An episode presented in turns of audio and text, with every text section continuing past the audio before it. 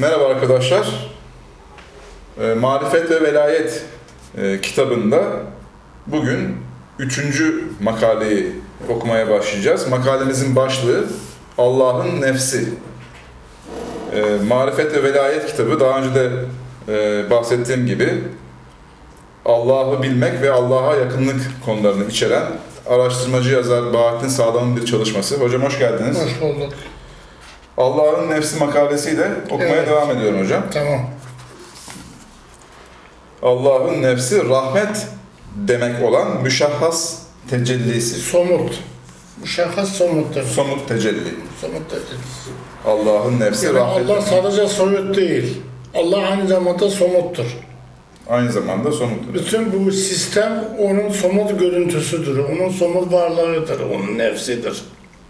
Yani biz böyle taş toprak gezegen gibi gördüğümüz şeyler İşte o Allah'ın nefsidir.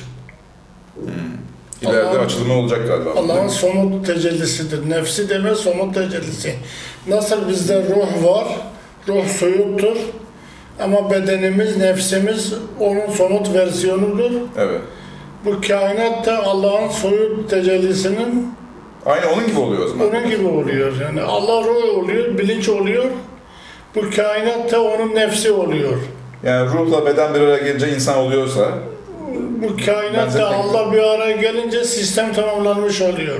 hmm, soyut olan Allah somut Somut olan olan kainatla kainatla bir araya gelince Allah'ın nefsi oluyor.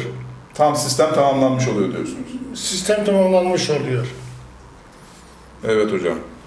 İlginç bir e, bilgi oldu. Ben makaleye başlıyorum okumaya. Buyurun. Bizim asrımızın müthiş gelişmelerine rağmen insanların manevi zayıflığı ve gerileyişinin en birinci sebebi bilgi kirliliğidir. Evet, bilgi kirliliği var. Yani insanlar varlığı tanımıyor. Allah nedir, varlık nedir, varlıkla Allah ilişkisi nedir, insanla Allah ilişkisi nedir bunu bilmedikleri için Bir ezbere bir yaşam devam ediyor gibi böyle sanki işte sabah oluyor akşam oluyor. bir sonra. yaratan vardır deyip bitiriyorlar işi. Olmuyor. O sistem oturmuyor. Marifete dönüşmüyor. Bilgiye tanımaya dönüşmüyor. Hmm. Bu bilgiye tanımaya dönüşmediği müddetçe de işte bilimle din çatışmış gibi görünüyor. İnsanlar bilgi kirliliğine maruz kalıyorlar. O zaman gerçek bilgiye talip olup biraz işin içine girmek lazım. Deşeceğiz bakalım. Allah'ın nefsi ne demek? Bilgi kirliliğidir dedik. Bu kirlenmenin en birinci sonucu olarak bazı insanlar tam maddeci ve dünyacı oluyor. Bazıları saf soyutu, manayı ve uhreviliği seçiyor. İnsanların çoğunluğu ise ortada durup ne yapacaklarını bilmiyorlar.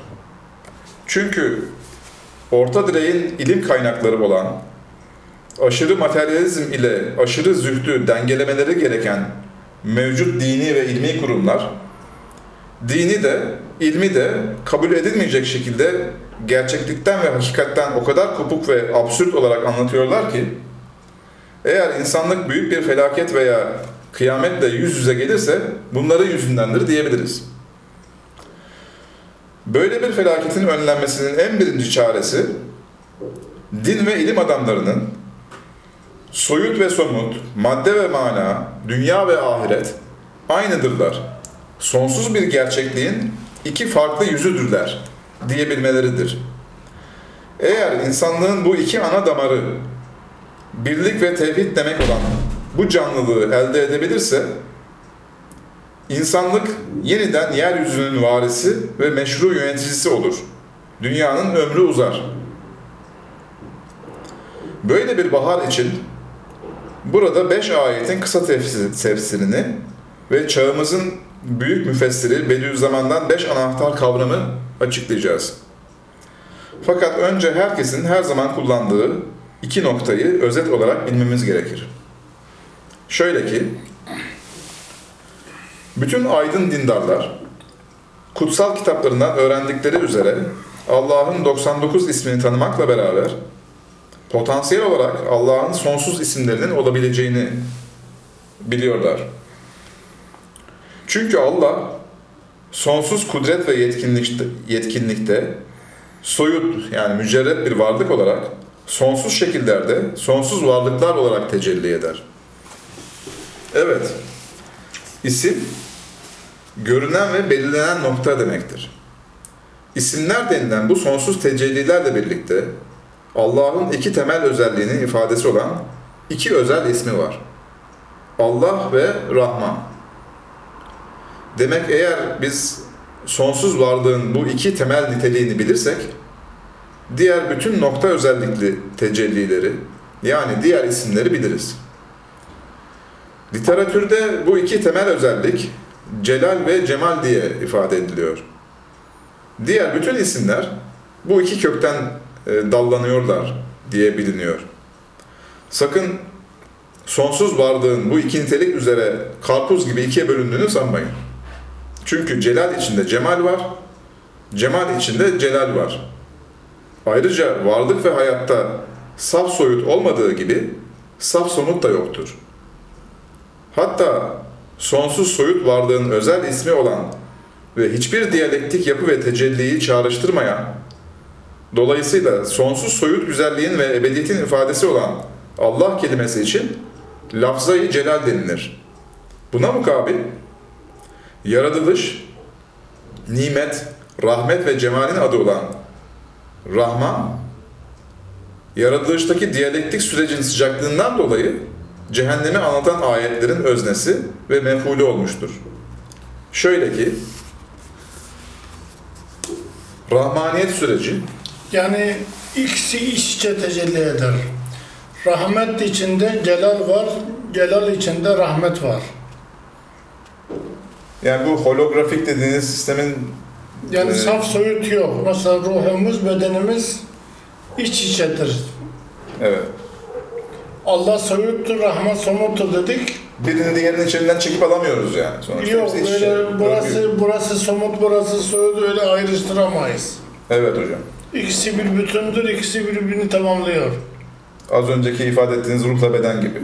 Evet, Rahmaniyet sürecine geçiyorum hocam. buyurun. Bütün zıtları geliştirmek için çalıştıran Rabbine, rububiyetine andolsun. Yokluğu, kaçışı, inanmamayı tercih eden o kafirleri ve yokluğun adı olan şeytanları toplayacağız. Sonra onları cehenneme dayayacağız ki o yokluk kirlerini temizleyelim. Sonra her gruptan Rahman'a yani Allah'ın diyalektik düzenine karşı hangilerinin daha azgın olduğunu ortaya çıkaracağız. Biz hangilerinin o cehenneme dayatmaya daha layık olduğunu biliriz. Evet, sizden hiç kimse yoktur ki mutlaka o cehennemden geçiyor olmasın. Hepinizin bu evrensel cehennemden geçmesi, Rabbinin terbiye edici isminin kesin olarak gerektirdiği ve asla firesi olmayan kat'i bir hüküm ve kanundur. Sonra biz kendi özünü zulüm ve dengesizlikten koruyanları kurtarırız. Ve zalimleri ise orada diz çökmüş olarak bırakırız. 19. sure 68. ayetten 72. ayete kadar. Evet. Hepimiz diyaletik süreçten geçiyoruz. Demek ki cehennem diyaletik süreçtir. Yani bu ısı dediğiniz ısı Zıtların çatışması sonucu bir ısı meydana geliyor. Orada terbiye oluyor. Demek ki cehennem böyle kavurucu, yakıcı bir yer değil, terbiye edici bir yerdir.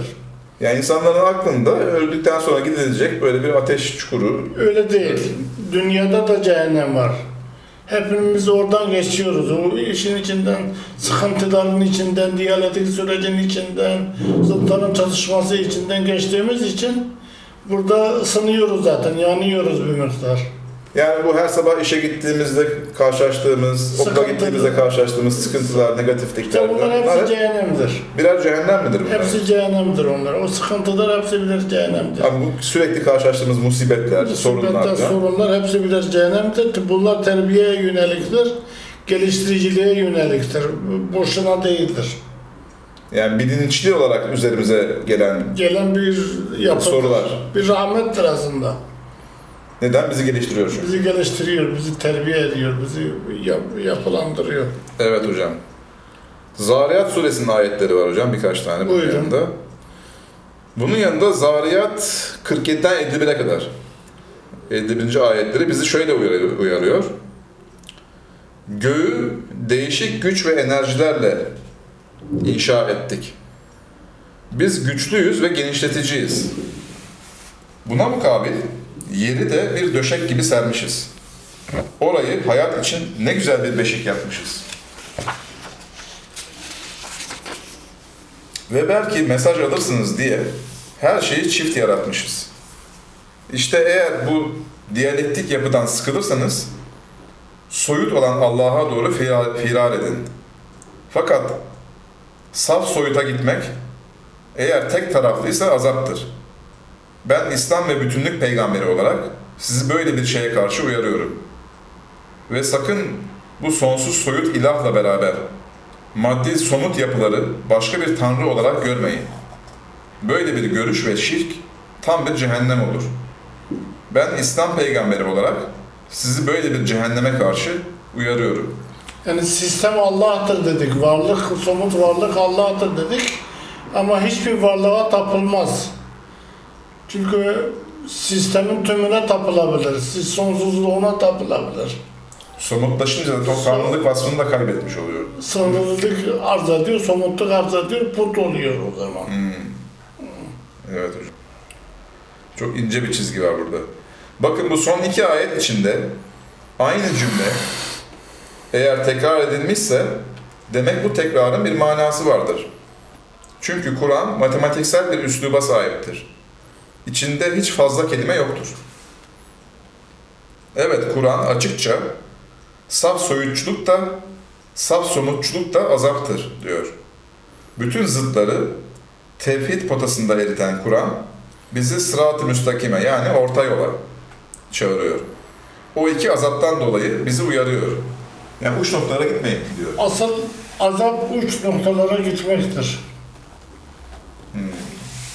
Böyle aşırı böyle işte Dünya, ahiret, ruh, beden, madde, mana bütünlüğünü kaybettiğimiz zaman asıl azaba o zaman girmiş oluruz. o zaman denge devreye giriyor değil mi hocam? Denge devreye girer. Denge rahmettir, nimettir denge.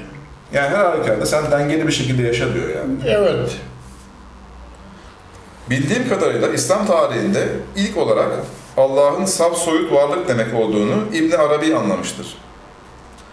Buna rağmen Rahman isminin somut varlık boyutunun ismi olduğunu tam görememiştir. Varlık soyut boyutuyla çok sıkıştı. Onun için somut olarak yaratmaya geçti. İşte bu somut kainat o soyut boyutun bir nefes almasıdır. Nitekim hadiste yaratılış Rahman'ın nefesidir denilmiş diyor. Bu kardeşiniz Kur'an'ın Rahman ismini çok mucizevi bir şekilde kullanmasından anladı ki insanlar bu hadisi yanlış okumuştur. Allah yani böyle bir bedendir, kainat da onun nefesidir şeklinde algılamak yanlıştır. Kainat onun nefsidir, somut versiyonudur. Onun nefesidir değil de nefsi diye okumak gerekiyor. O hadisi yanlış anlamışlar diyorsun. Şeyde. Hadisi yanlış okumuşlar. Yanlış okumuşlar. Kainat Allah'ın nefsidir. Allah'ın nefesi değil. Çok ne kadar bir, önemli bir ayrım. Bir hareket farkı var ama nefsi olunca kendisi oluyor. Somut versiyonu oluyor. Tecellisi oluyor. Yani bu tabiat, gördüğümüz gezegenler, her şey Sistem sistemin e, somut kendisi, sistemi kendisi Allah'ın nefsidir, kendisidir. nefsidir. Hadisin bu ikinci okuyuşa göre manası şöyledir. Yaratılış ve kainat Allah'ın somut görüntüsü demek olan Rahman'ın nefsidir. Yani kendisidir. Kendisidir, evet. Bu şekilde okumak gerekiyor. Evet. Nitekim İbn Arabi kendisi de hususta nefesür Rahman Allah'ın nefsidir diyor. Evet Allah'ın nefsinden ve rahmaniyetinden söz eden beş ayet bize bu hadisi böyle okumamızı ve böyle anlamamızı emrediyor. Zaten arada bir feta, hareke farkı var. İşte o beş ayet. Ali İmran suresi 28 ve 30. ayetleri okuyorum hocam. Bu iki ayet özet olarak bize der ki, müminleri bırakıp dinsizleri dost edinmeyin. Kim böyle bir şey yaparsa o sonsuzluk ve maneviyat demek olan Allah'tan hiçbir şeye sahip değildir. Çünkü Allah sonsuz olduğu kadar somutlaşır da. O somutlaştığında her şey görünür hale gelir. Bu somutlaşma dünyada olmazsa da ahirette olacaktır. Çünkü her şey oraya gider. Evet Allah sizi kendisinin somut tecellisi olan nefsinden sakındırıyor. Üçüncü Bak, sure 28. ayet nefsinden, diyor Allah. Allah kendine nefis diyor. Allah sizi kendisinin somut tecellisi olan nefsinden sakındırıyor. Burada açık söylemiş. Burada diyaletik yapı var, diyaletik yapısı var. Fazla az, azaba dönüştürebilir, sizi cehenneme sokabilir diyor. Açık açık uyarıyor. yani. Uyarıyor evet. Bir gün gelir, kim iyi veya kötü ne yapmışsa onu önünde hazır olarak görür, kaçmak ister. Fakat heyhat, işte Allah sizi kendisinin somut yansıması olan nefsinden sakındırıyor. Çünkü bu nefiste imtihan ve diyalektik yapı fırını var. Fakat burada eğer kişiler Allah'tan yani o sonsuz soyut ve manevi boyuttan alakasını ve bağını kesmemişse Allah o kullara ekstradan şefkat eder. Yani nefsini onlara nimet yapar o zaman. Bize bir olay tersine veriyor ya. Fırın yapmaz, nefsini sıcak yapı yapmaz. Nefsini nimet yapar onlara. Çok ilginç. Soyuttan kopmamak şartıyla. Oraya bağlanacak, entegre olacak. Entegre olacak, soyut somutun farkını kaldıracak, O zaman musibet nimete dönüşüyor. musibet nimete dönüşür. Rahmet rahmete dönüşür. Evet, imtihan ve diyalektik yapı sıcaktır. Zordur. Fakat onun sonucunda başarı ve kazanç demek olan rahmet ortaya çıkıyor. Nitekim 14. lema bu sonsuz uzayı varlık çiçekleriyle şenlendiren rahmettir diyor. İşte bu gerçeği dile getiren Enam suresi 12. ayet. Vahiy diliyle de ki göklerdeki yani metafizik alemdeki ve yerdeki fizik alemdeki her kişilik ve benlik kimindir? Sen yine vahiy diliyle de ki bütün benlikler Allah'ın kullarıdırlar. Allah kendi somut yansıması olan nefsine yasa olarak rahmeti yazmıştır. Evet, somut yansıması olan rahmet. Bu yaratılış rahmettir yani. Diyaleti süreç ısınsa da, Yaratılış arasına bizi kendisi, yaksa da, yaratılışın kendisi rahmettir. Yaratılış kavramının kendisi baş başa bir. Varlık nimettir. Varlık saf hayırdır. Güzel. Evet. Devam ediyorum hocam. Allah kendi somut yansıması olan nefsine yasa olarak rahmeti yazmıştır. Yani yaratılış bir rahmettir. Yasal bir rahmettir. O bu somut boyutun gerçekleşmesi için sizi ahirette toplayacaktır. Ahiret somut yaratılış kadar bir gerçekliktir. Fakat nefslerini zayi edenler kesinlikle inanmayacaktır. Çünkü iman diyalektik ve somut yapıyı ve bunun gereği olan imtihan edilmeyi gerektiriyor. Bunlar ise bu ikili sermayelerini israf etmişlerdir. Nefis kelimesinin etimolojisi Evet. Nefis kök olarak kan demektir. Kan, bedenin birçok temel maddesini ve hayat fonksiyonlarını taşıdığından ve kan boşalınca insan öldüğünden insanın kanı ruhudur diye algılanmıştır. Nefis Arapça mıdır hocam? Arapça. Arapça. Arapça. Kendilik demek. Kendilik. Eski insanlar kanı kendi ruhu gibi gördükleri için Hmm. ona nefis demişler. Kana. O boşalınca ölme e, oradan Öyle bir yanılgı olmuş. Hmm. Dil yanılgısı bu. Evet hocam. Bu İslami bir versiyon değil. Evet. O şekilde gelmiş. Bu dil yanılgısı. Bu ilişkiden dolayı insanın öz varlığı demek olan kendisi ve ruhu manasında nefis ontolojik ve ilmi bir deyim olarak kullanılmıştır. Bu temel özellikle beraber insan nefes almadan yaşayamadığından ruhlanma, ruhlanma ve canlanma manasında oksijen alışverişine de nefes denilmiştir. Nefes de aynı kökten gelir, nefes de aynı kökten gelir. Bir Sonuçta hareket farkı var. ikisinde de bir canlılık Bir canlılık var, bir ruhla ilişkisi var. Kur'an ruh kelimesini soyut, melek, vahiy ve ilim manasında kullanır. İnsanın ruhu, bilinci ve canlılığı için ise nefis kelimesini kullanır. Bu fark ile beraber insanın bilinçaltı ve biyolojik fonksiyonları irade dinlemeden insanı kötülüklere yönlendirdiğinden ayrıca ruhun somut bir biçimi olan nefis insanın benliğini ve kişiliğini temsil ettiğinden ve genellikle benlik dar ve bencil düşünüp yanlış yaptığından Kur'an'da nefis birçok sefer kınanmıştır. Nefes ruhun somut versiyonu. Somutta kısa katılık olur, kısalık olur, kötülük olur, eğrilik olur, sorun olur. Dolayısıyla nefis kınanıyor, ruh kınanmıyor. Ruh esnek, bu e, nefis öyle olmuyor değil mi? Ruh soyuttur, saf ilimdir, kötülüğü yoktur. Ama bu somutlaşınca, bedenleşince Birçok eksiklik ortaya mı çıkıyor? eksiklik ortaya çıkıyor. Dolayısıyla nefis kı- kınanmış.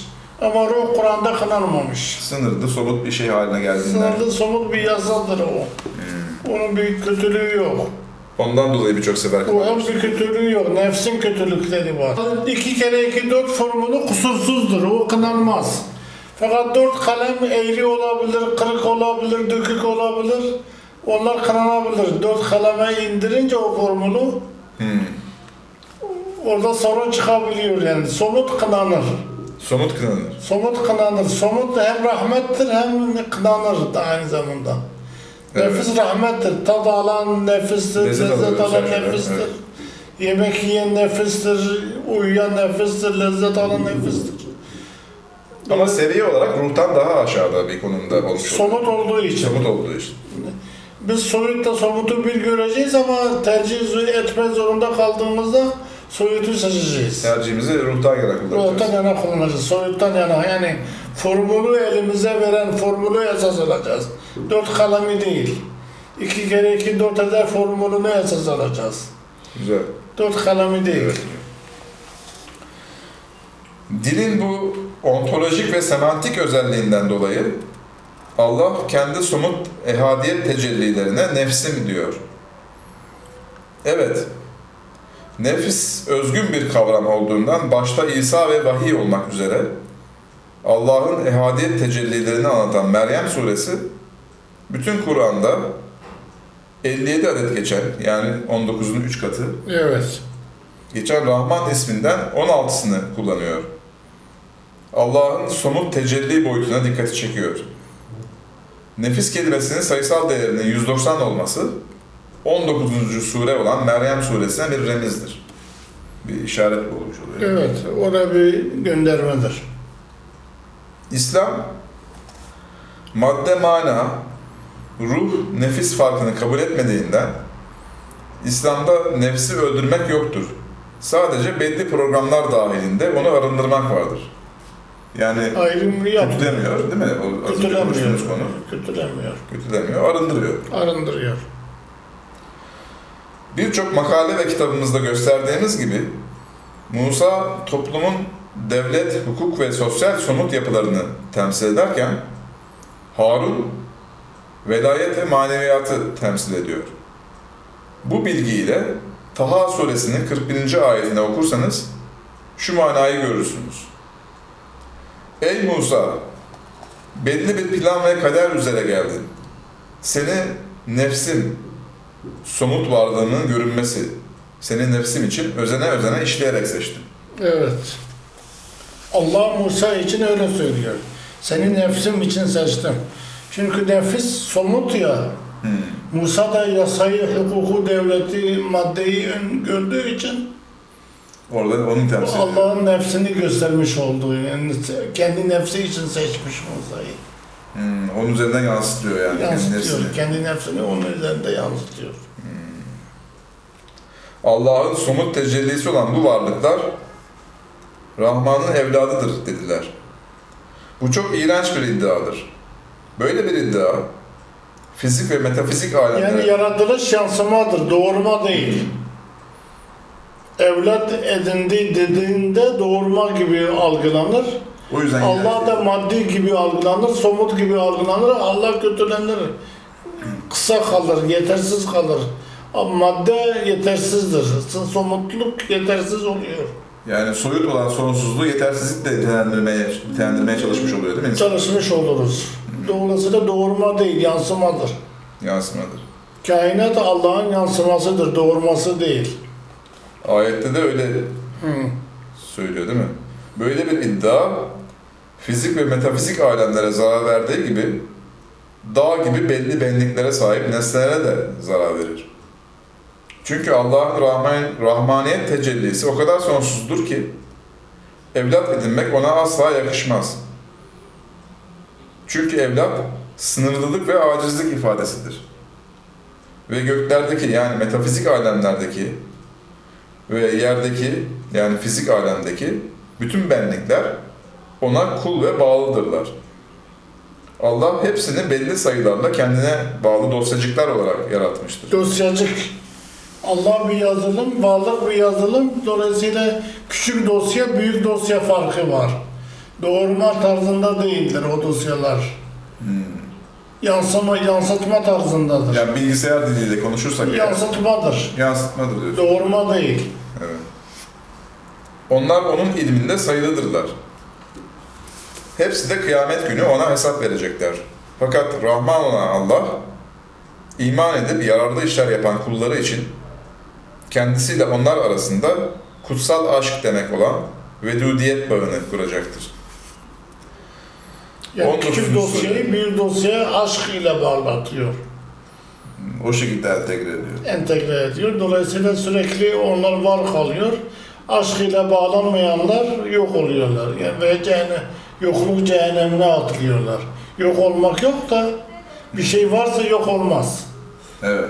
Ama yokluk cehennemine atılıyorlar. Allah Bağlantı kalitesi söz konusu bağlantı yani. kalitesiz zayıflıyor. Sistem onları tanımıyor. Evet hocam. Aşk ile bağlar dediğiniz zaman doğru bir iletişim metoduyla kendine bağlamış olur. Bağlamış oluyor. İnsanlık tarih boyunca zirvelere çıkmaya çalışmıştır. Orta Çağ felsefesi bu zirveyi Allah'a benzemek diye tarif etmiş.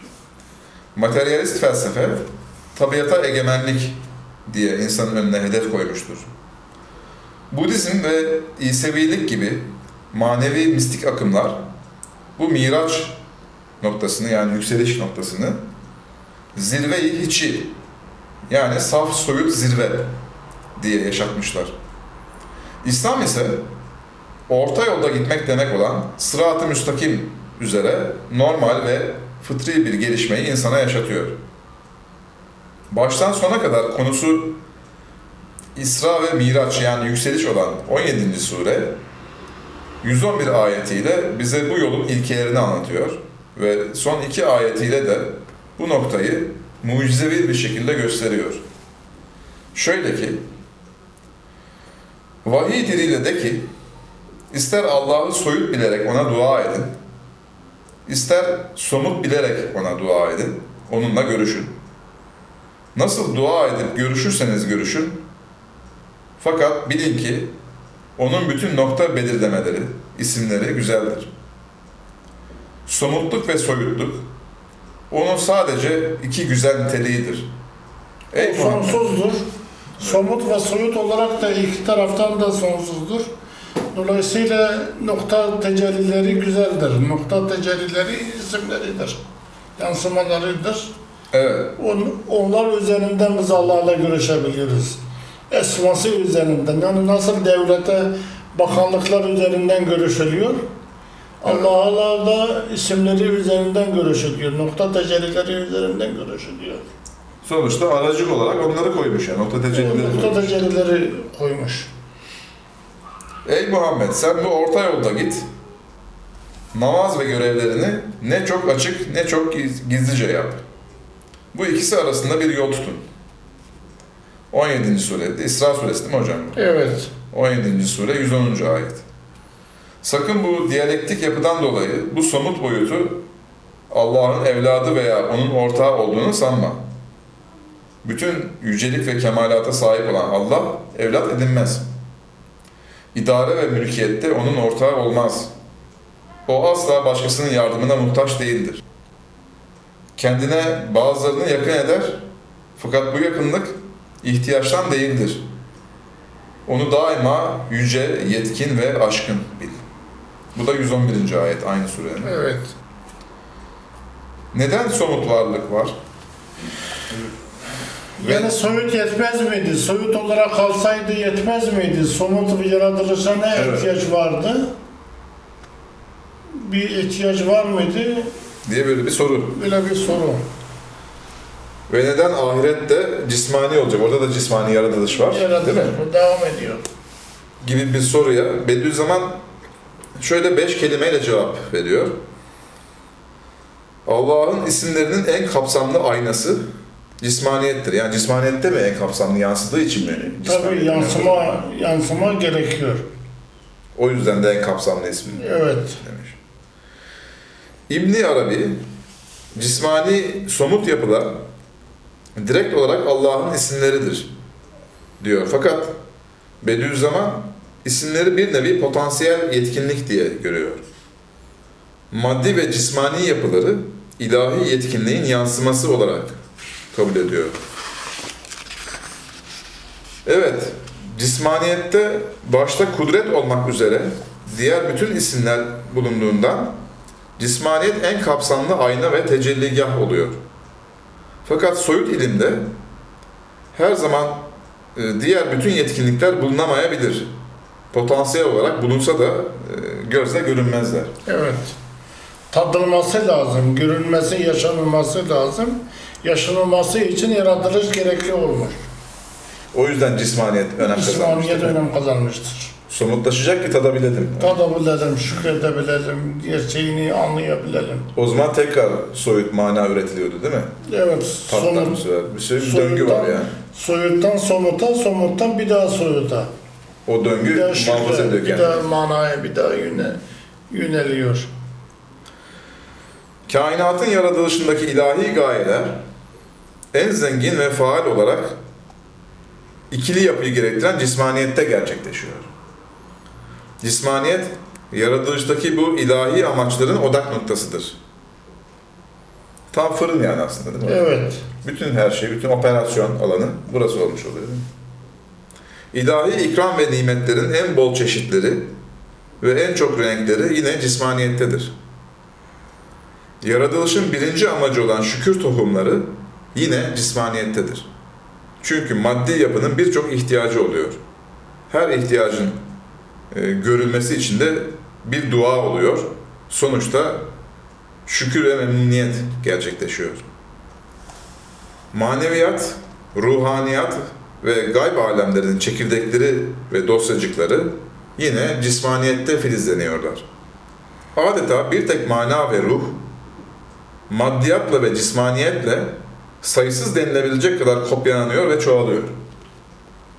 İşte bunun için Kur'an insanda 100 trilyon hücreye bölünüyor.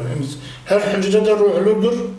Dolayısıyla her insan 100 trilyon insan gibi. insan gibi oluyor maddi madde sayesinde. Boşuna değil ya kainatın Yok, bu madde, Yani yaratılış, maddi yaratılış bu abes değil, anlamsız değil. Evet hocam. İşte bunun için Kur'an rahmaniyeti uluhiyet ile eşit görüyor. Yani o soyut Evet. Soyutta eşit görüyor.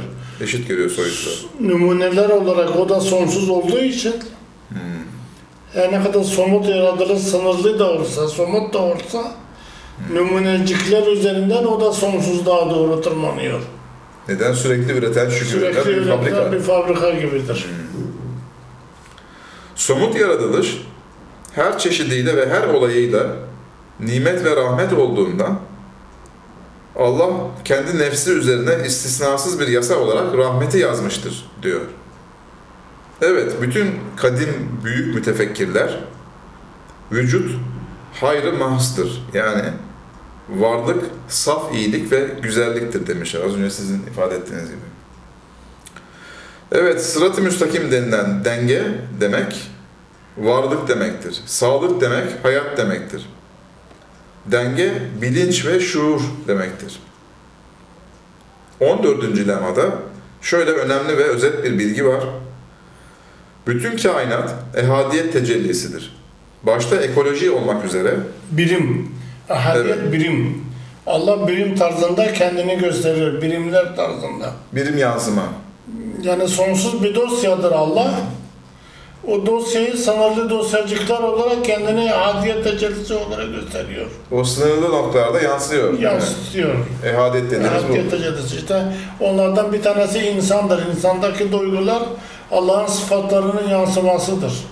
Evet.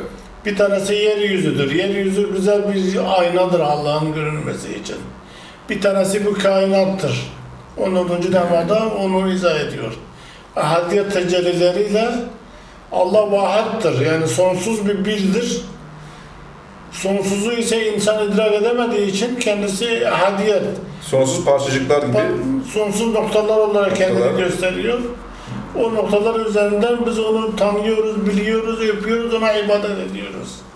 muazzam. Ama somuta tapılmaz. Somut sınırlı olduğu için bir de somut olduğu için ona tapılmaz. Somutun üstündeki yansımayı görüp Görüp sonsuza intikal etmek sahibine yap. Allah'a tapılır sadece. Çünkü Evet. sadece Allah'a tapılır. Evet hocam. Başta ekoloji olmak üzere yeryüzü de bir ehadiyet tecellisidir. Bu da mesela yansıma noktalarından bir Evet. tanesi ekoloji. İnsan yoğun ve odak bir şekilde ehadiyet tecellisidir. Bu manayı ifade için ifade için hadiste Allah insanı Rahman suretinde yaratmıştır deniliyor. Evet kainatta özellikle yeryüzünde sayısız bilinç ve duygu katmanları var. İnsan ise bütün varlığın bir hülasası olduğundan onda bu rahmani duygu ve hisler daha yoğun olarak mevcuttur. Yoksa so- sonsuz ve soyut olarak Allah'ın şekli ve sureti Olamaz. olmaz Olmaz. diye bu Allah'ın nefsi makalesini burada tamamladık hocam. Tamam. Ya bunu çok iyi anlamamız gerekiyor değil mi? Allah'ın e, soyut ve somut varlığının Bütünlüğünü bilmek lazım, dengesini kurmak lazım. Nerede soyuta, nerede somuta başvuracağımızı bilmemiz lazım. bunun ikisinin de ucu sonsuza doğru gidiyor. abi. Gidiyor. İkisi de sonsuzdur. Dolayısıyla biz bunu ortalayacağız ve denge üzere Gideceğiz. gideceğiz. Hocam çok teşekkür ederim. Ben teşekkür ederim. Arkadaşlar bu hafta Allah'ın Nefsi makalesiyle Marifet ve Velayet kitabının 3. videosunu tamamladık. Haftaya 4. videomuzda görüşmek üzere. Hoşçakalın.